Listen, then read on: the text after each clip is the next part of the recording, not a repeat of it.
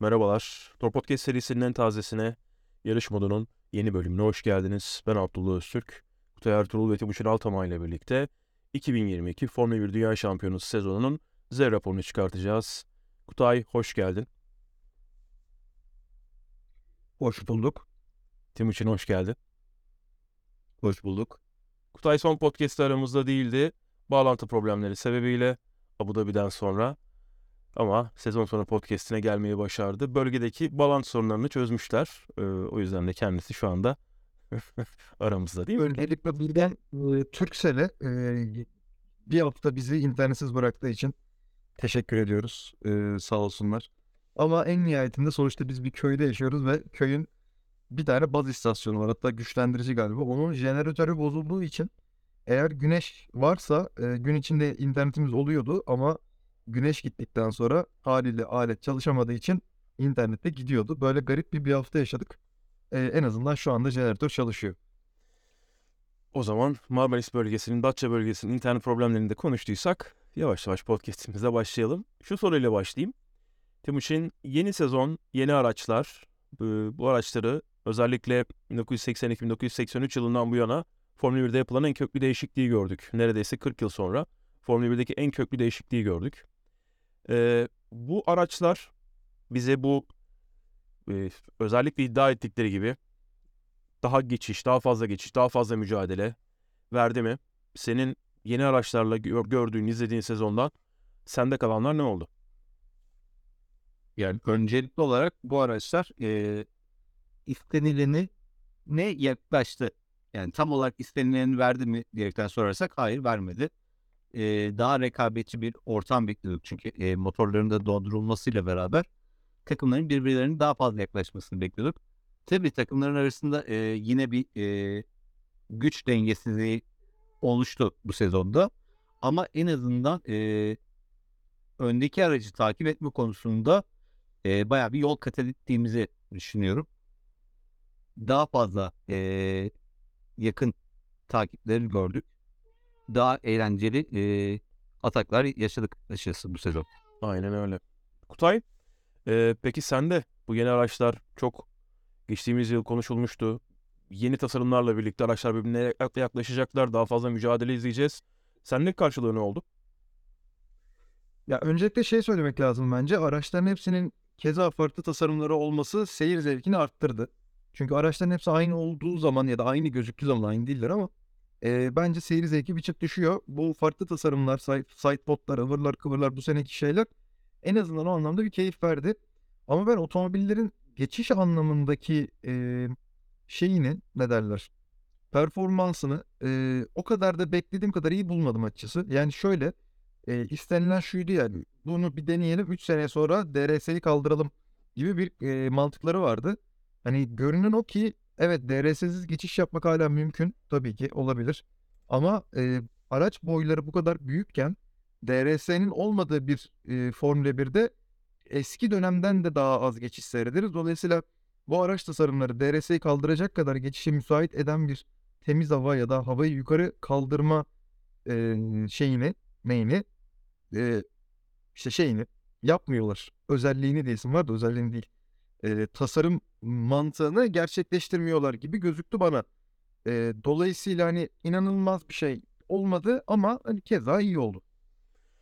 Yani evet bu yılın araçları uzun süredir beklediğimiz bir tasarımdı ve bu, biz bu tasarımı bu yıl çok fazla yarışta yine zaten bir sürü yarış var. Hepsinde görme fırsatı bulduk. Bir takımlar bu yeni tasarımı anlamaya çalıştılar. Yer etkili otomobilleri, Venturi kanallarını anlamaya çalıştılar. Ve takımların arasındaki farklar sezon başında bazı takımlar çok geride kalırken Ferrari ve Red Bull başta olmak üzere e, bazı takımlar daha iyi anlamıştı elbette bu kuralları.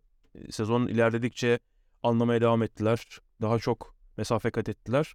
E, önümüzdeki yıl ben farkların biraz daha kapanabileceğini düşünüyorum. Hani bir anda e, sezona yine çok kuvvetli şekilde girdiğini gördüğümüz takımlar olabilir ama e, bu sene kadar e, çok büyük mesafeler olacağını düşünmüyorum. En azından büyük takımlar ya da en azından öne oynadığını bildiğimiz takımlar. Yani Mercedes sezonu bir buçuk saniye falan geride başlayacağını düşünmüyorum. Ee, o yüzden önümüzdeki yıl özellikle Red Bull yine kuvvetli olacaktır. Ferrari yine hızlı olacaktır. O Mercedes mesela ön, daha önde başlayabilir Ferrari'den. Red Bull'la kafa kafaya başlayabilirler. Bunu bilemiyoruz henüz. Ama tabii ki Red Bull şu andaki tasarım felsefemizde devam edeceğiz gibi bir şey söylese de yine de takımların hangi yöne doğru gideceklerini onları ilk yarışta görmeden çok da ezbere konuşmamak lazım. Bu geçişlerden bahsettik. Bu sezon en çok geçiş yapan pilot Alonso olmuş. Böyle bir istatistik yapmışlar. Ee, Alonso 71 geçişte bu sezon en çok geçiş yapan pilot olarak tamamlamış. Hamilton 63, Joe 62, Sainz 61, Max Stroll de 57 geçiş yapmışlar. En çok geçilen pilotlar da Magnussen 101 kez geçilmiş. Mick 99 kez geçilmiş. Latifi 79 kez geçilmiş. Stroll 67 kez, Joe da 63 kez ge- geçilmiş. Yani bu şunu gösteriyor aslında. Alonso ve Hamilton eee, özellikle araçlarından kaynaklı olarak yani Joe da hemen arkalarında araçlarından kaynaklı olarak aslında potansiyellerinden daha geride başlıyorlar yarışlara ve yarış içerisinde kabiliyetleriyle birlikte bir sürü pozisyon kazanmayı başarıyorlar. Alonso özellikle tabii ki ve Hamilton onu takip ediyor. Onunla birlikte e, yine sıralama turları performansı daha iyi olan Haas yarış temposunda da kötü olduğu için çok fazla sıra kaybediyor. Burada da Magnussen'in Mick'in neredeyse aynı geçilme sayısıyla e, 101 ve 99 geçilme sayısıyla en çok geçilen pilotlar olmasından da bu sonucu çıkartabiliriz ama çok fazla geçiş olmuş. Yani geç, geçen sene oranla. Bununla alakalı bir istatistik vardı. e, bir rakam vardı onu şey yapamadım. e, alamadım. Hangi pistte kaç geçiş yapılmışa da bakıyorum bir yandan. Bahreyn'de 78 geçiş yapılmış mesela. Dubai'de 79. Abu Dhabi'de 79 geçiş yapılmış. Brezilya'da 77. Belçika'da 75. En düşük tabii ki Monaco 13 geçişle onu e, Azerbaycan takip ediyor. 23 geçişle. Çok hani Azerbaycan yarışında daha fazla geçiş olmasını bekleriz. Imola'da, Emilia Romanya'da 23 geçiş olmuş sadece. E, sprint'te de 18 geçiş yaşanmış. Hani e, bu arada galiba Amerika lider. Evet Amerika'da 83 geçiş olmuş kotada. Bu da bayağı etkileyici bir rakam. Onu söylemek lazım. E, geçiş rakamlarına baktığımızda bilmiyorum söylemek istediğiniz bir şey var mı? Ekleyeceğiniz bir şey var mı ama e, ben de bu konuda en azından söyleyecekler bu kadar. Bir pilotları ve takımları konuşalım istiyorum. Yani e, daha çok aslında pilotları konuşalım istiyorum. Pilotların performanslarını bir karşılaştıralım istiyorum. E, bu karşılaştırmaya önce bir e, takım arkadaşlarının en net şekilde görüldüğü yer olduğunu bildiğimiz, hani hangi pilotun birbirine üstünlük sağlayabildiğini gördüğümüz bu sıralama turları, e, sıralama turlarında gösterilen iyi performans üzerinden bir konuşalım. Onun da bir grafiğini zaten size paylaşmıştım. Mercedes'te Lewis Hamilton 13'e 9, e, Red Bull'da Max Verstappen 18'e 4, Ferrari'de Leclerc 15'e 7, McLaren'de Norris 20'ye 2, Alpine'de Alonso Ocon neredeyse kafa kafaya 12'ye 10, Alfa Tauri'de Gazli 13'e 9 üstün. Aston Martin'de Vettel 13'e 7 Stroll'e üstün. Williams'ta Albon çok ezici şekilde 19'a 2 Latifi'nin önünde. Bottas Joe'nun önünde. Alfa Romeo'da 14-8. Haas'ta da Magnussen çok net bir üstünlük kurmuş Mick Schumacher'e 16'ya 6. Timuçin burada şaşırtıcı bir şey var mı? Yani bu kadar fark olmaması gerekirdi ya da umduğumuzdan kafa kafaya geçmiş bu istatistik diyeceğim bir şey var mı? Yani sezonun başında beklemediğimiz e, oran Norris'te Ricardo'nun oranı. Orada ezici bir üstünlük var Norris'in. Diğerlerinde ben şöyle bir e, kısaca bir göz gezdiriyorum tekrardan. Geri kalanlarda yani yine bekleriz dediğimiz oranlar açıkçası. E, ben Tsunoda'nın şeyini e, performansını beğendim. Gazi'ye yakın e, bir şekilde yani neredeyse kapı kapıya bile diyebiliriz. Evet. 13'e 9 olarak. Ee, Latifi'nin albümü iki kere geçmesi enteresan. Ee, o güzel bir istatistik olmuş Latifi açısından. Geri kalanlar normal yani beklediğimiz gibi açıkçası. Aynen öyle. Aynen öyle. Bir de şimdi pilotlar puan durumuna bakıyorum özellikle. Ee, pilotlar puan durumu üzerinden de gitmek gerekirse hani zaten Latifi'nin ve Albon'un en arkada olması çok şaşırtıcı değil. Joe performansını beğendiğimiz pilottu. Yılın çaylağı oldu. Hani çok da fazla çaylak pilot yoktu zaten tabii ki de. Ee, Joe yılın çaylağı oldu. Performansını oldukça beğendiğim bir isim. Ee, onu söylemem lazım. Ee, Tsunoda onu takip ediyor. Aşağıdan yukarıya doğru gidiyorum. Tsunoda'nın önünde Mick Schumacher var. Burada Mick Schumacher'le e, Kevin Magnussen'in arasında önemli bir fark var. 25'e 12 puan farkı e, olarak. Mick Schumacher 16. sıradayken Kevin Magnussen 13. sırada. Araya Pierre Gasly ile Lance Stroll'ü almışlar. Kevin Magnussen'in Gasly'nin önünde olması da bence aslında As Ferrari'nin çok kötü bir sezon geçirmediğini gösteriyor diyebilirim. Vettel takım arkadaşının önünde. E, Ricardo 11. sırada. E, o da Norris'in bayağı gerisinde kalmış zaten. Norris zaten bu yıl geri kalanların en iyisiydi. Ee, ama sezon geriye kal geride kaldığında Kutay, Esteban Ocon, Fernando Alonso'nun önünde yılı tamamlamayı başardı. Puan sıralamasında. Çok fazla talihsizlik yaşadı Alonso. Esteban Ocon da bu yorum üzerine de bir e, giderek bize bir derle topla. Alpin tarafını, Esteban Ocon tarafını. Dedi ki Esteban Ocon Kutay, ben bu yıl bütün sponsorluk işlerini, tanıtım işlerini yaptım. Simülatöre sürekli ben kullandım. %98 takımın görevlerini ben yerine getirdim. Fernando hiçbir şey yapmadı. Ve benimle alakalı yaptığı yorumların bazıları da beni hayal kırıklığına uğrattı. Aston Martin'e gittiği için e, onun adına seviniyorum. Biz de kendi yolumuza bakacağız gibi bir yorum yaptı. Nasıl değerlendiriyorsun Alpin'i? Yani eee, ben sezon başından beri Ocon'un Alpine için yetersiz olduğunu söylüyordum ki hala da öyle düşünüyorum. Eee, takım görevlerini yapma konusunda Fernando Alonso'dan daha iyi yapmıştır, doğrudur, daha çok uğraşmıştır. Yapmakta zorunda çünkü genç. Yani Alonso'ya kimse eee, bir şey yapması gerektiğini söylemiyordur, söyleyemiyordur. Çok yüksek ihtimalle çok eee ne derler önemli bir konu olmadığı sürece. Eee, Alonso'nun Ocon'un gerisine düşmesi çok normal. Yani hakikaten iğrenç bir sezon getirdi, geçirdi mekanik anlamda. Dolayısıyla hani onları o anlamda karşılaştırmak pek doğru değil. Eee, Ocon genel olarak hakikaten daha şanslıydı. Eee ben şunu böyle şimdi ters taraftan şöyle de yorumlayabiliriz. Düşmanca yorumlamayalım. Eee, belki Ocon otomobili üzerinde daha fazla vakit geçirdi. Otomobili daha iyi tanıdı.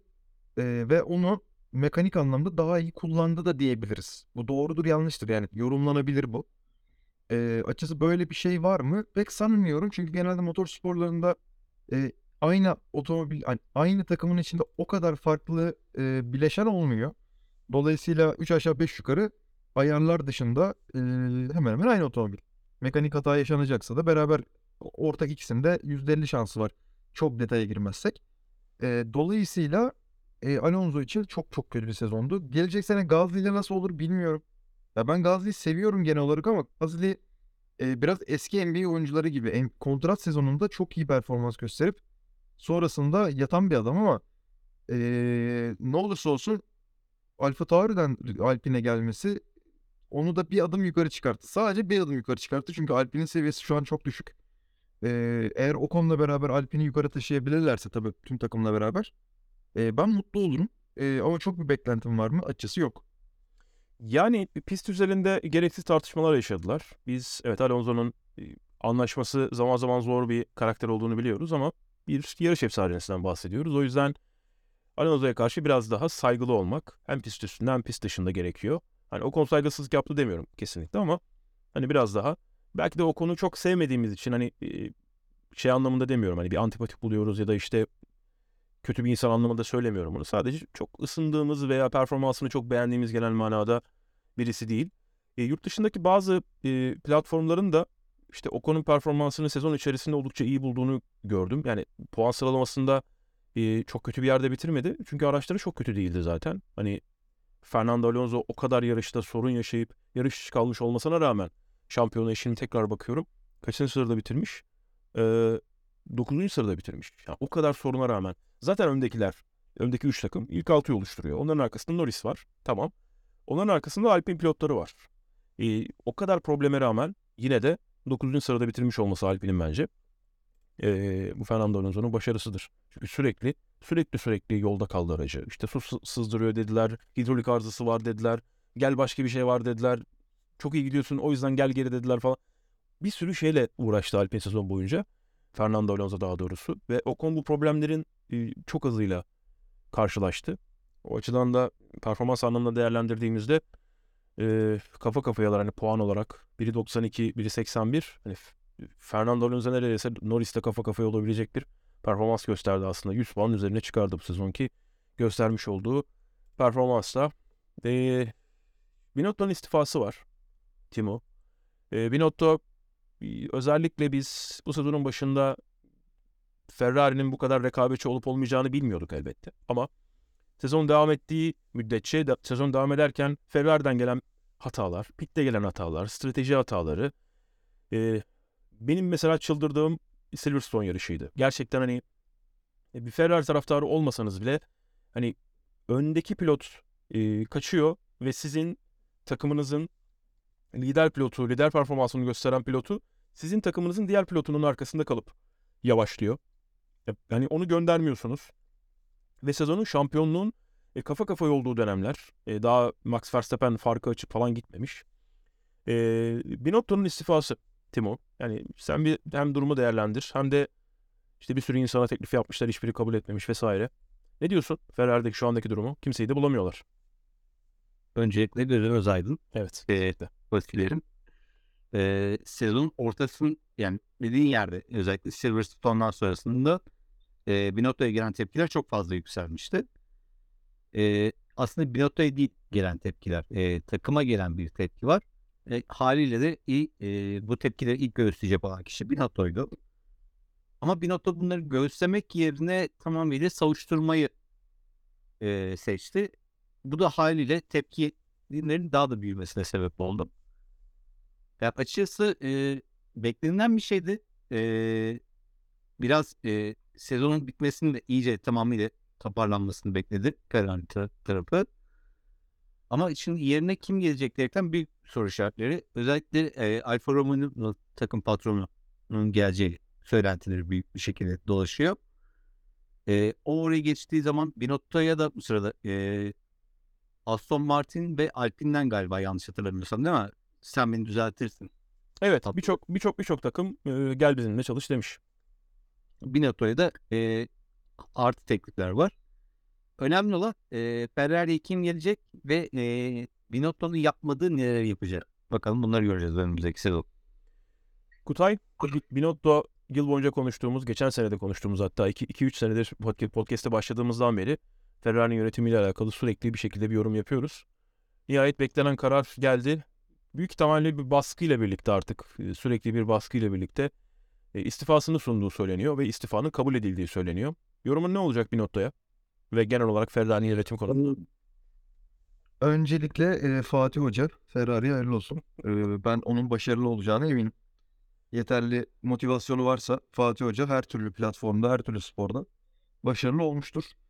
Binotto ya şöyle bir şey diyeceğim. Hani ben o kadar detayını bilmiyorum. Siz daha iyi biliyorsunuz ve sizden anladığım kadarıyla ve geçmişini de bildiğim için Binotto'nun e, Binotto iyi yani çok iyi bir e, mühendis anladığım kadarıyla. Ve yıllarca Ferrari'nin başarılı ve başarısız dönemlerinde de emek vermiş bir adam. Ama e, bir işi yapmakla bir işi yönetmek iki farklı iş ve Ferrari'nin Binotto altında iyi yönetilmediğini görüyorduk. Yani şunu her zaman ben bir tarafa koyuyorum. Binotto mu iyi yönetemiyordu yoksa e, yukarıdan gelen baskıyı Binotto ancak bu kadar mı dağıtabiliyordu? Ya mesela şey benim anlamadığım bir şey. Bütün takım İtalyan olsun. Binotto'nun kararı değildir diye tahmin ediyorum. Dolayısıyla Binotto değiştikten sonra eğer bu karar devam edecekse gelecek adam kadroyu ne kadar değiştirebilecek? İtalya havuzunda nasıl ne kadar bir değişim var ya da içeride nerede yani ben açıkçası Binotto'nun içeride çok kötü bir yönetici olduğunu düşünmüyorum. Belki sert bir adam olamadı. Ee, ya da farklı şeyleri yapamadı. Disiplinsizlik durumu olabilir. Çünkü İtalyanlar zaten bize benziyor. E, Ferrari zaten kırmızılar yani siz orada daha çok e, gördünüz Formula 1 pistinden. Hani onların havası farklı. Ne olursa olsun. Dolayısıyla onları yani takım içi disiplini sağlamak da belki diğer takımlardan daha zordur. Bilmiyoruz.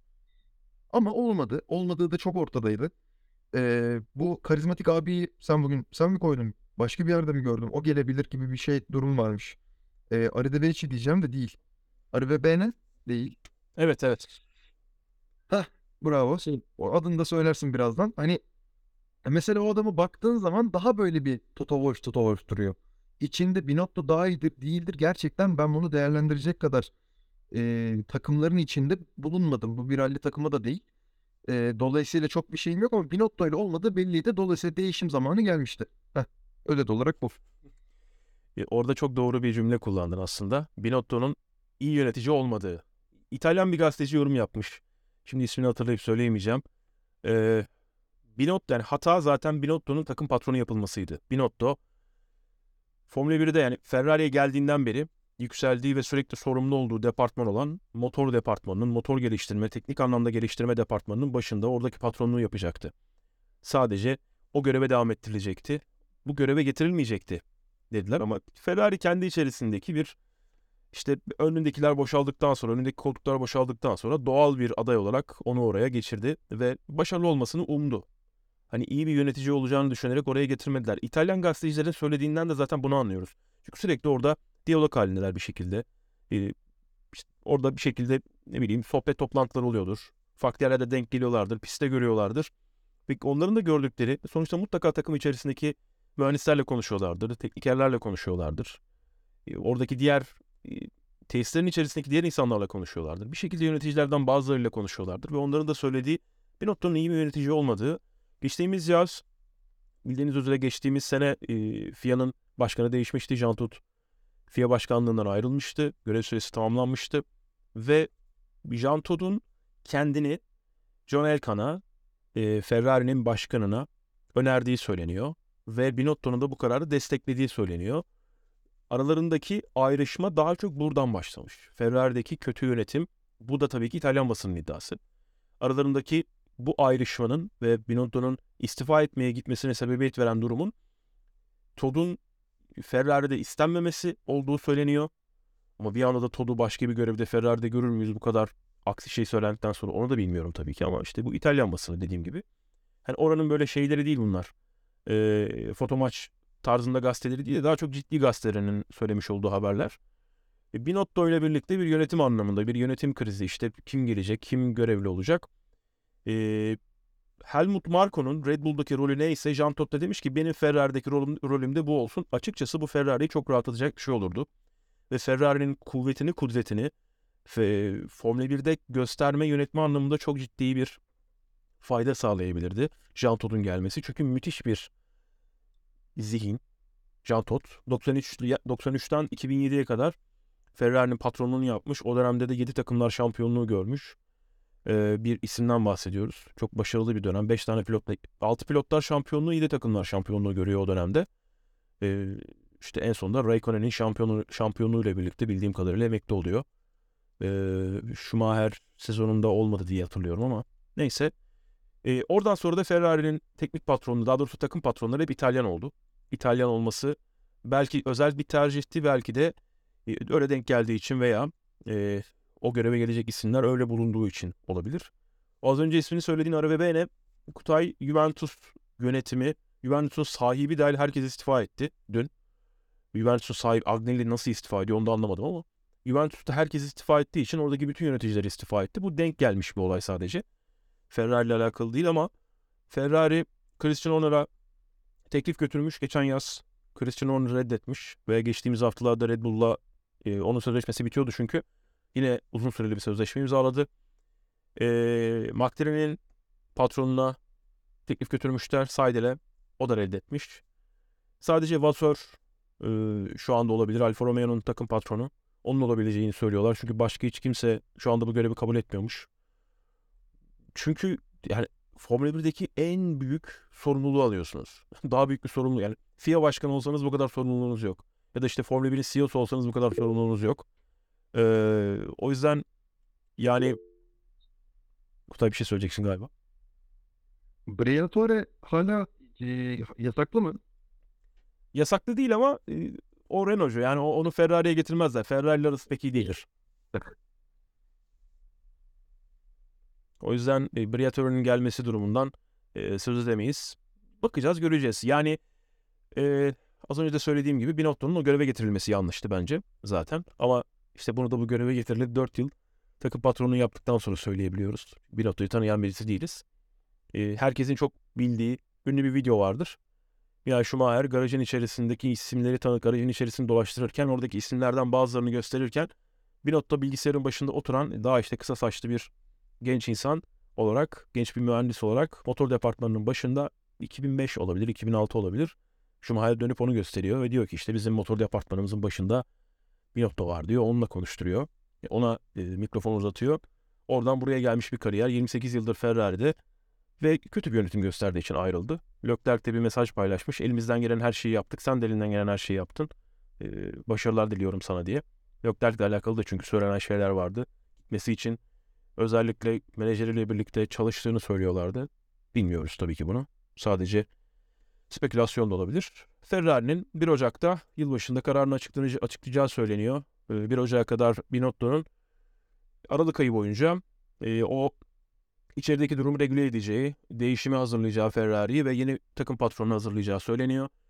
Belki daha öncesinde açıklanır ama takım yeni takım patronu 1 Ocak'ta görevine başlayacak. Görevine başladığı zaman da biz onun kim olduğunu göreceğiz ve öğreneceğiz.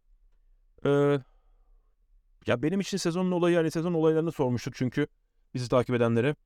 Onlar büyük oranda hani e, işte Red Bull'dan bahsetmişler. Red Bull'un e, bütçe limiti aşımından bahsetmişler.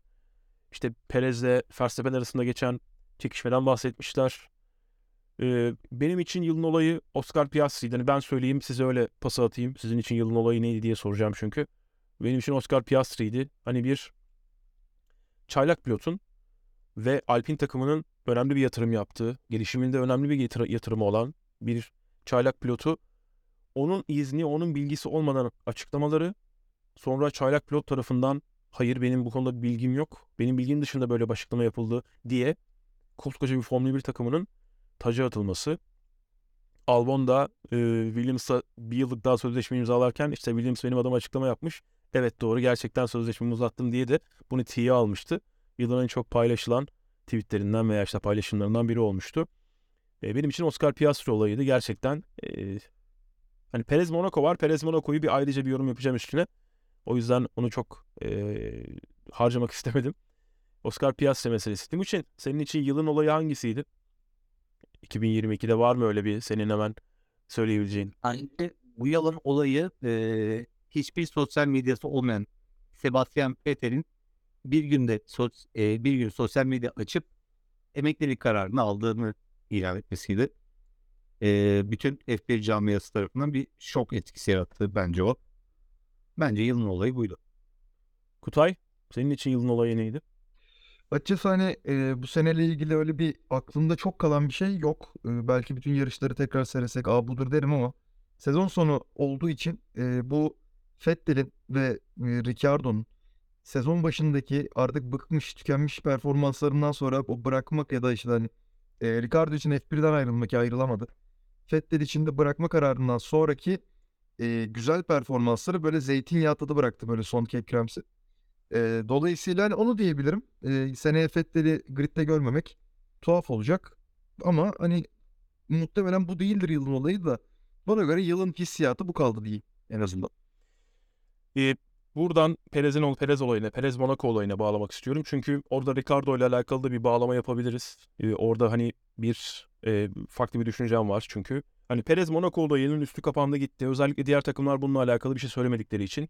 Ama Perez'in Monaco'da yaptığı şey bir sporcunun spordan men edilmesine sebebiyet verecek kadar önemli bir şey. Bilerek ve isteyerek bir kaza yapıyorsunuz. Bu gerçekten sizin kariyerinizi bitirmeli. O kadar önemli bir olaydan bahsediyoruz bence. Çünkü manipüle ediyorsunuz. Sonucu manipüle ediyorsunuz. Yani e, sonucu manipüle etmek, e, herhangi birinin güvenliğini riske atmıyorsunuz. Çok yavaş hızla e, hareket edilen bir virajda bilerek ve isteyerek kaza yapmak. Bunun sebebi de takım arkadaşınızın önünde sıralama turlarını tamamlamak için bunu yapıyorsunuz. Verstappen de bunu buna ikna oluyor. Bunun böyle olduğunu düşünüyor ve bunu öğreniyor. Bunu öğrenmesinin sebebi de Perez'in gidip takıma bunu söylemesi. Ve biz burada Ricardo'nun yeniden Red Bull'a döndüğünü, üçüncü pilot olarak Red Bull'a döndüğünü görüyoruz. Acaba Timuçin, Perez'in önümüzdeki yıl Red Bull'da son yılı mı?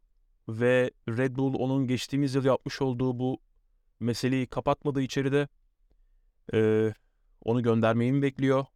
E, kontratı bittikten sonra Ricardo'yu yerine mi getirecekler? Hem bilmiyorum Monaco ile alakalı bir şey söylemek ister misin? Perez Monaco meselesiyle alakalı. Hem de bu Ricardo Perez'in yerine geçer mi? Ee, Red Bull'un üçüncü pilotu oldu Ricardo. Şimdi Monaco olayında e, çok ağır ithamlar da bulundu. Çünkü e, vakti zamanda e, Formula 1 efsanesi Schumacher'in de aynı şekilde e, sıralama turlarını blok etmişliği var Alonso'ya karşı. Hı hı. E, e, bu sebepten dolayı biraz ağır kaçtı açıkçası ithamın. Perez'in son senesi mi de- değil midir e, onu bence bu sezon gösterecek. Bu sezon vereceği performans Perez'in e, devam etme etmeyeceğini gösterir açıkçası. Yani Ricardo orada e, sadece e, Red Bull ailesinin bir üyesi olduğu için tekrardan üçüncü pilotluk, e, üçüncü koltuğu aldı açıkçası Red Bull'da. Ben Ricardo'nun öyle e, hadi yarın sen bizim ikinci pilotumuz ol, yani tekrardan gel pilotumuz ol diyeceklerini ben e, pek beklemiyorum Red Bull tarafından. Sence Kutay? Perez'in koltuğuna geçen mi Ricardo 2024'te? Kutay duyuyor musun? Yok buradayım buradayım. Ee, bu dedim ya te- kendini atıyor diye bazen. Tamam. Ee, yani bence orada şuna bakacaklar. Şimdi ben düşünsem şöyle düşünürüm öyle diyelim. Perez e, muhabbetini kapatmamış olabilir içeride ve haklı da bir gerekçe bence. Eğer gerçekten bu anlatıldığı gibiyse ki böyle biliniyor ve böyle kabul edildi şu anda dediğim gibi. Ee, Ricciardo'nun performansını bence bir sene boyunca gözlemleyecekler takım içinde. Ee, eğer şunu görmeye başlarsak free practice'lerde Ricardo'yu böyle atmaya başlarlarsa sezon sonuna doğru bence bu olabilir çünkü şeyi düşündüm şimdi. Ee, iyi bir Ricardo artık kariyerinde de belli bir yere geldi yani. Geçen şeyde denk geldik. Drive to Survive'ı bir arkadaşa izlettik. İlk sezonu. İlk sezon ilk bölümden başladık. Orada Ricardo direkt işte şampiyonluk için yarışıyorum. Şöyle yapıyorum, böyle yapıyorum gibi bir durumdaydı. Ki doğru o zaman Verstappen daha ikinci pilottu. Ee, ama Ricardo da artık ikinci pilotluğu kabul edecek yaşa geldi. Ee, ve düşünüyorum şöyle bir garibi.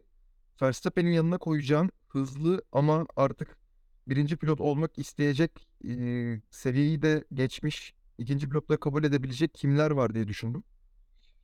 Hala da düşünüyorum Ricardo dışında e, çok grid çok gençleşti çünkü. Yani Bottas'ı artık saymayalım orada. Aşağıdan geliyorum. Latifi Albon. Albon da şu an genç ve hala kendini kanıtlamak istiyor. Verstappen'in yanına koyarlar seni yarışmak isteyecektir kesin. Yani aklıma biri gelmiyor. Gelmediği için de Ricardo'yu yedek pilot olarak tutmak aslında bir yandan mantıklı hele ki içerisi bu kadar dağınıkken. O zaman 2023 pilotlar e, takımlar takımların pilot kadroları nasıl oluşmuştu? O tabloyu zaten size göndermiştim. Onun üzerinden bir konuşalım. Onun üzerinden konuşup e, yavaş yavaş podcast'i bitiririz zaten.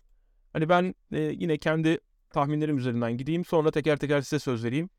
E, Red Bull'da tabii ki Verstappen'in üstünlük sağlayacağını e, düşünüyorum. Ferrari'de Leclerc önümüzdeki yıl bu yıl olduğu gibi belki biraz daha üstün olabilir. E, McLaren'de Norris Piastri'ye üstünlük sağlayacaktır. Ve yarışların en az 3'te ikisinde üst- üstünlük sağlayacağını düşünüyorum. En az 3'te ikisi olarak söyleyeyim. 23 yarış var galiba önümüzdeki yıl. Piastri'nin de çok parlak bir performans göstereceğini düşünüyorum bu yıl. Hepimizi şaşırtacağını düşünüyorum. Çok iyi bir performans göstereceğini e, göstermesini bekliyorum. Piastri çünkü çok kuvvetliydi alttaki serilerde ve çok iyi bir kumaş olduğunu düşünüyorum. Mercedes'te Hamilton elbette benim için önde olan pilot. Hani Russell tabii ki çok üst düzey pilotlardan biri. Bu yılda ne yapabileceğini gösterdi. Ama nedense ben Hamilton'ın hala Russell'ın önünde sezonu tamamlayacağını düşünüyorum. Alfa Romeo'da Bottas yine önde kalır. Alpine'de Gazi tabii ki e, Ocon'un bir yıl boyunca kullandığı otomobil gelip bir kez kullanacak. O yüzden kafa kafaya performans görebiliriz belki aralarında. Ama hani orada birini tercih etmem gerekirse kim daha iyi performans gösterir diye hani sırf Gazli daha iyi performans göstersin istediğim için Gazli diyeceğim. Ee, orada Alfa Tauri'de Tsunoda ve De Vries var. Orada De Vries'in nedense ben daha iyi bir performansla Tsunoda'nın önünde kalacağını düşünüyorum. Hülkenberg Magnussen var Haas'ta. Hülkenberg her zaman formda baktığımızda her zaman bir ortalama sürme kabiliyetine sahip ama Magnussen yine önde tamamlar. Ve Aston Martin'de Alonso elbette çok büyük bir üstünlükle Stroll'ün önünde olur. Stroll'ün önünde kalır. Albon ve Sargent. Sargent o kadar süper bir yetenek değil. E, Albon'da çok ciddi bir Formula 1 tecrübesi var ve bir yıl kullandığı Williams'ı Sargent'ın karşısında olacak. Bir çaylağın karşısında olacak. Orada da Albon'un üstünlük sağlayacağını düşünüyorum. Timuçin senin tahminleri alalım. Ee, ben de tabloyu tekrardan kendi önüme açayım. Yani Red Bull'u konuşma, Red Bull, Ferrari ve Mercedes konuşmaya bence gerek yok. Çünkü e, geçen sezonda birebir... O sana şunu sorayım. Bir Mercedes taraftarısın sen. Hamilton Russell arasındaki denge nasıl olur? Yani kaç yarış böyle yüzde kaçlık oran? Ya bu seneki gibi yakın bir e, performans olacağını düşünüyorum. Yani 55'e 45 gibi. E, ama Hamilton'ın önde olacağını artık düşünüyorum. Yani e, yeni araca daha hızlı bir şekilde adapte olacağını yani umut diyelim bu aslında düşünme değil de bu benim tahminim. Hı hı. Ee, diğer taraftan e, McLaren'de uzun zamandır yarışan Norris'in yanına e, yeni bir çaylak geldi ama e, ne derler? Wonderkid. Wonderkid olarak geldi Piastri. E, buradaki çekişmeyi açıkçası e, dört gözle bekliyorum. Ama yine de Norris e, orada ağırlığını koyacaktır diye tahmin ediyorum. Alfa, e, Alfa Romeo da aynı takım kadrosuyla yarışıyor. Orada da bir şey söylemeye gerek yok. Ama John'un e, Bottas'a daha da yaklaşacağını bekliyorum açıkçası. Alpine'de e, ben sizin aksinize e, Ocon'u destekleyeceğim. Gazi'ye karşı. E, yani Alonso'ya karşı da Ocon e, bir çıt daha öndeydi. Hoş. Tabii ki sezon içerisindeki gerilim farklı bir şeydi. Ama e, en azından bu aracı tanıyan Ocon'un Gazi'den bir tık daha önde olacağını düşünüyorum. E, gittikçe performans düşen Alfa Tauri'ye bakarsak da e, Alfa Tauri'de Divaris aslında çaylak mı diyeceğiz aslında bu adama yoksa çaylak değil mi diyeceğiz çok da kestiremiyorum açıkçası. Çünkü e, tecrübe olarak var ama F1 tecrübesi neredeyse yok. E, bu sezon bir yarışa çıkması haricinde. Ama F1'de F1 aracı kullanma konusunda bayağı tecrübeli. Tsunoda'ya karşı e, onun önde olacağını düşünüyorum ben açıkçası. Tsunoda'nın performansının çaylak sezonundaki e, beklentiyi vermediğini düşünüyorum. Haas'ta e, ise Hülkenberg'i önde görüyorum. E, eğer e, nasıl söyleyeyim kondisyonlu bir şekilde gelebilirse Hülkenberg ben e, Magnussen'in daha fazla e, takıma katkı sağlayacağını düşünüyorum. E, Aston Martin'in de Stroll'e e, yanına kimi koyarsanız Stroll geçer diye düşünüyorum açıkçası. Williams'a da dediğin gibi Sargent çok e, performans yani çok büyük umutlarla gelen bir pilot değil. Tamamıyla e, lisansının Amerika olması, Amerikan vatandaşı olmasından dolayı gelen birisi. E, tamamıyla PR amaçlı. Çok fazla bir şey gösterebileceğini sanmıyorum. Kutay, senin tahminin? Özellikle bir Alpine'le başlayalım. Alpine'deki denge sence nasıl olacak? Nasıl görüyorsun orayı? Açıkçası ben orayı kuramıyorum ya. Yani şu anda çünkü Ocon orayı kendi krallığı gibi hissetmeye başladı birazcık ki haklı. Yılları yıllar geçti hakikaten geleli. Ama Gazi'de Fransız ve iki Fransız birden yarışacaklar. İkisi de genç, ikisi de potansiyelli. Hala Ocon'a da bir potansiyel koymak lazım ne olursa olsun. Dolayısıyla orası bence biraz değişik. Yani takım içi problem nerede çıkar derlerse ben orada çıkar derim gelecek sezon için. Ee, onun dışında senin yorumların hepsine hemen hemen katılıyorum. Ee, Renault'da da yani ben Gasly'yi daha çok potansiyelli görüyorum ama Ocon yıllarca Mercedes'te çok el üzerinde tutuldu. Sonra koltuk bulamadığı için gitti geldi en son Renault'a geldi. Renault için iyi olsun da sonra sonu nasıl olacak bilmiyorum.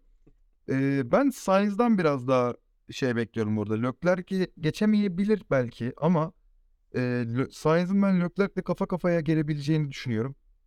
Ama kafasındaki o bariyeri aşabilirse hala onun kafasında bir bariyer var. O, onun dışında ben e, Sainz'ın bir ikinci pilot değil birinci pilot adayı olduğunu düşünüyorum hakikaten. Onun dışında da bütün e, dediklerine katılıyorum.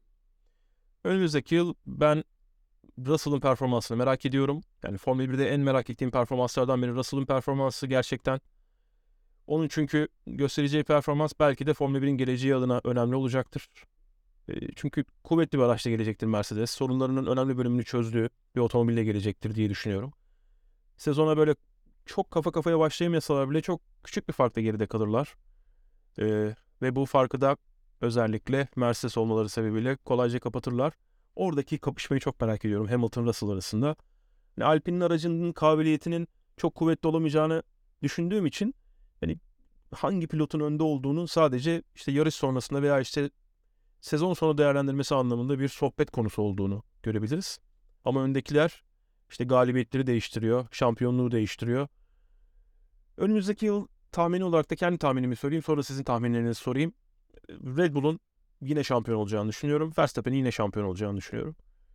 Ee, benim şampiyonluk tahminim de bu yönde. Hani takımlar şampiyonu Red Bull açık ara olmayabilir ama Verstappen yine e, net bir şekilde hani bir yarıştan fazla puanla diyeyim. Hani 25'ten fazla puan farkıyla yine bir şampiyon olur diye gibi geliyor bana. Timuçin senin şampiyonluk tahminin nedir? Umudun diye sormuyorum bak. Tahmini. Umudun olursa çünkü Mercedes dersin. Yani evet. Direkt eee, Mercedes ve 8. ve son şampiyonluğunu alacak olan Hamilton derdim. Yani tahmin olarak bakarsak eee, önümüzdeki sezon ben eee, Mercedes'in Red Bull hızına yetiş- yetişeceğini kapa kapaya bir eee, performansları olacağını düşünüyorum. Çünkü Mercedes'in biraz daha fazla geliştirmek için saati var aracı. Orada biraz eee, ne derler? Aradaki farkı yakalayabileceklerini düşünüyorum. O sebepten dolayı da eee Russell bir potansiyelli gözüküyor. Potansiyelli düşünüyorum. Bugün sana attığım bir tane eee komplo yani daha doğrusu bir video vardı. Gördün sen de. Eee, geçmişte 7 şampiyon olan Schumacher'i Alonso devirdi. 2 şampiyonluk aldı. Sonrasında eee, Hamilton geldi şampiyonluk aldı. Sonrasında Button şampiyonluğu var. Şimdi bugüne bakarsak Hamilton'ın 7 şampiyonluğundan sonrasında Max'in 2 şampiyonluğu var. Acaba önümüzdeki sezon Leclerc mi? Diyerekten bir videoydu. Neden olmasın? Size de biraz umut ışığı vermiş olalım bari. Şimdi senin tahminin kim? Yani önümüzdeki yıl kim şampiyon olacak sence? Ya ben Max ile Russell veya Russell arasında geçer diye düşünüyorum. Tamamdır. Kutay sence önümüzdeki yılın şampiyonluk adayı? Performanssal bakarsak ben de Max diyeceğim ama eee, bugün senin de paylaştığın Newey'nin dedikleri hani kimse doğru tasarımı bilmiyor. Herhangi bir takım doğru bir şey bularak eee, öne geçebilir. Hani tamam bir Brown GP durumu yaşamayız ama eee, belki bir takım eee, hiç ummadığı şekilde çok acayip bir şey bulacak ve eee, bir anda öne çıkacak. Bunu da bilmiyoruz. Aslında böyle bir sürpriz olsun istiyorum ben. Ya bu illa Renault olmak zorunda değil. Böyle Alfa Tauri falan da olabilir. Ama hani performansa bakarsak Max tabii ki. Evet. Benim de adayım. Başta da söylediğim gibi Max Verstappen önümüzdeki yıl. Keşke Ferrari olsa, keşke Leclerc olsa ama Ferrari'nin patron takım patronu değişikliğinden sonra dayanıklılık problemini çözmeye, dayanıklılık problemlerini çözme yolunda eee, zaten sıkıntılar yaşarken bir de yönetimsel anlamda sıkıntıların da bunlara eklenmesi kısa sürede çözerler mi bilmiyorum. Çünkü eee, araç yani 2023'ün aracı şu an tamamlanmış durumda aslında, bitmiş durumda. Eee, daha çok bundan sonra yapacakları pist üstü sesler. Hani rüzgar tünellerinde yeniden bazı şeyleri denemeye devam ediyorlar ama araç araçların genel konsepti zaten Abu Dhabi'ye gelmeden neredeyse fabrikalarında tamamlanmıştı. Ee, özellikle yılın yarısına yaklaştıklarında olgunlaştırdıklarını görüyoruz ve yılın sonuna doğru geldiklerinde de bir sonraki yılın aracını bitirdiklerini görüyoruz. O yüzden araç zaten büyük oranda bitmiş durumda bütün takımlarda ama bakalım sizin de söylediğiniz gibi yani umarım bir kapışma olur. Güzel bir kapışma. Ben Mercedes'in gelmesini istiyorum. Yarışlarda çok fazla kapışma olmasını istiyorum. Çünkü 2007'den beri zaten bir Ferrari taraftarı olarak şampiyonluk göremedim. Yine göremesem yine bir şey olmaz. Ama güzel, kapışmalı yıllar olsun. Hamilton'ın işin içinde olmasını istiyorum. Alonso'nun işin içinde olmasını istiyorum. Aston Martin o kadar büyük bir fark kapatıp öyle galibiyetlere oynayabilir mi? Önümüzdeki yıllar en azından sanmıyorum ama Alonso'nun daha yukarıda olmasını istiyorum. Alonso çünkü bizim çok zor göreceğimiz, kolay kolay çok zor göreceğimiz bir yetenek. Umarım e, daha yukarıda olduğu bir aracı ona verebilirler. En azından yılın ortasından sonra çünkü Red Bull'un tasarım departmanında çalışan kıymetli isimlerden birini almışlardı. Bunun farkının ortaya çıkacağını ve göreceğimizi düşünüyorum. Sezon boyunca podcastlerle karşınızda olduk. Ee, Kutay ve Timuçin. İkinizin de ağzına sağlık. Kutay, teşekkürler. Sezon boyunca elimizden geldiğince doğru düzgün yorumlar yapmaya çalıştık. Yarışları değerlendirmeye çalıştık. Ağzına sağlık Kutay. Hepimizin ağzına sağlık. Ee, sezon arası bizim için de güzel olacak. Çünkü hakikaten baktığımızda kaçıncı senemiz bizim bu podcast'te? Dört mü oldu? Her yeri sorusu podcast çektik galiba bu sefer. Belki bir yarış, bir iki yarış kaynamış, kaçmıştır aradan da. En istikrarlı sezonumuz galiba buydu. Ee, bakalım seneye de inşallah aynı istikrarla devam ederiz. Tabii sezon arasında illa biz dayanamayız. Bir şeyler konuşuruz. Ee, bir VRC, VRC'ler, rally özel zaten yapacağız. Araya bir soru cevap atarız. Yaparız yani bir şeyler. Timuçin ağzına sağlık. Teşekkürler. Dinleyen herkese de teşekkürler. Ee, yine sezon sonu podcast'te 45 dakika oldu. Aslında çok fazla konu yoktu ve sezon Z raporunu çıkartalım istedik. Sizden gelen sorular vardı. Onları da tabii ki göz önünde bulundurarak. Umarız önümüzdeki yıl daha güzel, daha çekişmeli, e, erkenden bitmeyen bir sezon olur. Ve İnşallah önümüzdeki sezon yağmurlu Monaco olur ama yarışılabilir yağmurlu Monaco. Teşekkürler. valla arka tekerleklerin üzerine bayağı paça falan şey, şey düşünüyorlar. Ee, Yani o yüzden bilemiyorum. Oğlum bu fikri ben verdim 4 sezon 4 bölüm önceki podcast'te. Bu benim fikrim. Bence olması gereken de bu. Çünkü çok saçma. Yani çok saçma. Dolayısıyla bence olması lazım. Ama sadece böyle yağmurda takılıp hiç çarpılabilen bir şey olması lazım onun. Bence. Telif hakkını al. Bakalım. Hakikaten alsak mı ya bunu konuştuk biz diye. Yapılır mı? Bakalım. Ee, umarız. Ya bu araçların tasarım felsefesini anlatmıştık zaten. Ee, üzerinden akan e, genel olarak aracın çevresinden akan havayı yukarıya doğru püskürttüğü için elbette suya maruz kaldığında da o suyu yukarıya doğru püskürtüyor ve daha fazla sprey e, efektinden bahsediyoruz. Genişlemiş lastikler var. Ee, daha büyük, boyutlara büyümüş lastikler var. Özellikle arka lastikler tabii ki buna sebebiyet veriyor. Bunun çözmeleri pek kolay değil. Hani bu çamurluk konusu da olur mu olmaz mı sanmıyorum. Biraz saçma geliyor bana. Ee, bu kadar güvenli otomobillerle birlikte hani çok da risk al- alınacak yap- alınarak yapılabilecek bir şey değil bu zaten. Yağmurlu yarışlar. Yağmurlu yarışlardan ona göre lastik, lastik yaparsınız ve araçlar piste çıkarlar. Kullanabilenler kullanır. Korkan pilotlar da içeriye gelir.